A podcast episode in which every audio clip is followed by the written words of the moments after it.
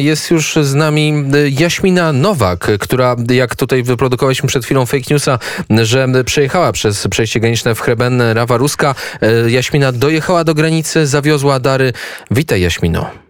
Dzień dobry, dzień dobry. Dobry wieczór, e, dobry wieczór Adrianie, dzień dobry i dobry wieczór e, Państwu. Tak, ja, ja byłam, dojechałam do e, granicy, zostawiłam dary, udało mi się przekazać też trochę gotówki do konkretnych osób. Ja zaraz opowiem o całym tym procesie, ale też nie wracam, też udało mi się kogoś zabrać ze mną w samochodzie. Jedzie czteroletni chłopiec Sasza i jego mama. Oni pochodzą z Zaporoża, to jest oczywiście z, ta część wschodnia Ukrainy. To jest to miejsce, które graniczy zaraz z obwodem e, donieckim.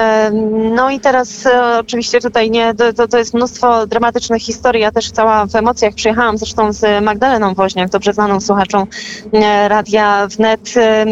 Jeżeli chodzi, może najpierw opowiem o samym przejściu granicznym. Faktycznie to wszystko jest zorganizowane w sposób taki bardzo sprawny. Bardzo, bardzo łatwo można oczywiście wjechać wyjechać, wyjechać z Polski i dostać się na tą stronę ukraińską. Jeżeli chodzi o te kolejki z powrotem, to tak jak rozmawiałam z ludźmi, to nawet jest około 10 godzin, a nawet do doby czekania nadal. Ale nie zmienia to faktu, że to już nie jest kilka dni, jak mieliśmy, z, z czym mieliśmy do czynienia na samym początku. Już po tej naszej stronie jest stworzone, można powiedzieć, wręcz takie małe miasteczko, bo namioty, w których można się ogrzać, w których jest jedzenie, jest taki suchy prowiant i w którym i w których to, to jest to takie pierwsze miejsce, do którego trafiają osoby, które przyjeżdżają własnymi samochodami albo autobusami, które głównie to są kobiety i dzieci. To też tutaj jeszcze warto o tym powiedzieć. Jest mnóstwo informacji, także fake newsów, które, a może to nie są fake newsy, tak? Bo ja mówię o tym konkretnym przejściu granicznym. My tutaj, ja tutaj nie widziałam wielu młodych mężczyzn, widziałam głównie e, kobiety, młode dziewczyny, e, starsze panie i bardzo dużo dzieci. Oczywiście to, to, to wszystko jest, jest to widok bardzo bardzo smutny, bardzo przytłaczający. Ci ludzie w reklamówkach e, tak naprawdę przywieźli dobytek swojego życia, zostawili swoje domy, a przede wszystkim zostawili tam bliskich, zostawili swoich ojców, e, swoich mężów, e, braci, wiele z nich także swoich synów później z tego miejsca te osoby, jeżeli chodzi o e, część tych osób oczywiście jest odbierana przez różne osoby z różnych części Polski, które przyjeżdżają po nich samochodami i to idzie bardzo sprawnie, a osoby, które no nie mają tutaj żadnego miejsca jeszcze zapewnionego, są przewożone. Z tego co wiem jest kilka takich punktów. Myśmy odwiedziły jeden z nich.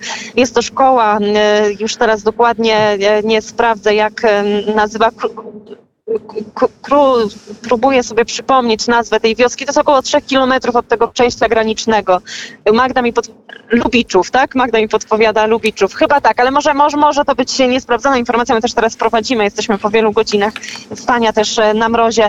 I tam, e, no tak, tam będą mogli Państwo obejrzeć w relacji pewno zdjęcia i filmy, które zaraz wyślę do redakcji. No, widok, e, widok bardzo taki smutny, wywołujący wiele emocji. Łóżka polowe karimaty, które są porozkładane jedno obok drugiego, bardzo dużo małych, e, e, przestraszonych, zagubionych dzieci. E, oczywiście wolontariusze, którzy tam przyjeżdżają z całej Polski, bo rozmawiałyśmy z paniami z Warszawy, ze Szczecina. Jest to naprawdę niesamowite. Ten ruch jest bardzo duży. One starają się ułatwić oczywiście jakoś cały ten proces i przejść przez, te, przez, przez ten trud, ale nie zmienia to faktu, że jest to widok, który bardzo chwyta za serce. Tam wolontariusze, którzy dojadą do takiego schroniska, mogą zgłaszać na przykład, że mają kilka miejsc wolnych w samochodach. Jest to też w jakiś sposób formalnie ogarniane, dlatego że wypełnia się ankiety, w których podaje się konkretnie ile osób, gdzie można zawieść. Jeżeli chodzi o danie też tego dachu nad głową, to trzeba pewne,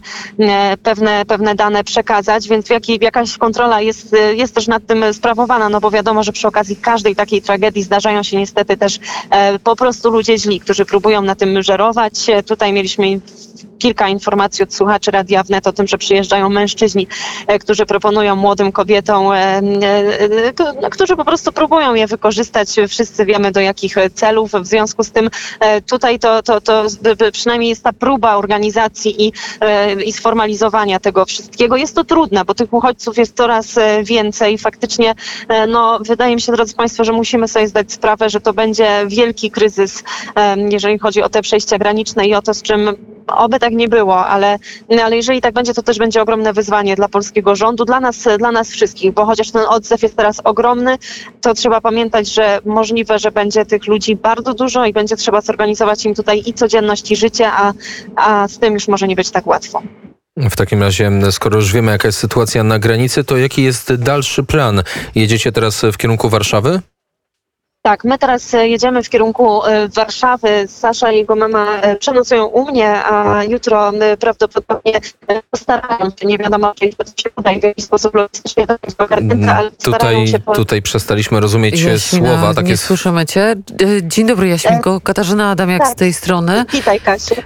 W- Pojawiają się, rozmawialiśmy dzisiaj sporo z Węgrami, między innymi o tym, że pojawia się mnóstwo fake newsów w kontekście tego, co się dzieje na naszych granicach i generalnie tego, co się dzieje przede wszystkim w Ukrainie, ale e, pojawiła się również informacja, że widać jest dzieci, które samodzielnie próbują przekroczyć granicę. Czy ty spotkałaś taką sytuację? Czy ty coś takiego widziałaś? Czy słyszałaś o takiej sytuacji? Nie słyszałam o takiej sytuacji, też specjalnie się o, o takowe nie dopytywałam, bo do mnie ta informacja nie trafiła, ale nie widziałam ani jednego dziecka, które byłoby niezaopiekowane, a myśmy trochę czasu spędziły przy tej granicy, to jest kilka godzin, tak samo jak i później w tym schronisku, w tej szkole zaadoptowanej na schronisko. Tam to wszystko wyglądało, e, no, było, oprócz tego, że to smutny widok, to jednak na taki, który jest zorganizowany. Ja nie widziałam jakichś dzieci, które by się błąkały i które nie wiedziałyby, co ze sobą zrobić, a tym bardziej, jeżeli chodzi o to przejście. Tam wszystko było dobrze dopilnowane. Bardzo wielu policjantów, m, wielu strażników granicznych i którzy naprawdę e, wydawało się, że ze wszystkich sił starali się to ogarnąć i to wszystko szło sprawnie. Wydaje mi się, że, że jeżeli chodzi przynajmniej o to przejście e, graniczne, to raczej do takich sytuacji by nie doszło. No to życzymy szczęśliwej podróży i trzymaj się, dbajcie o siebie, e, szanowne panie. Bardzo dziękujemy. e, Ja pozdrawiam wszystkich słuchaczy, także Ciebie, Kasiu, Ciebie, Adrianie.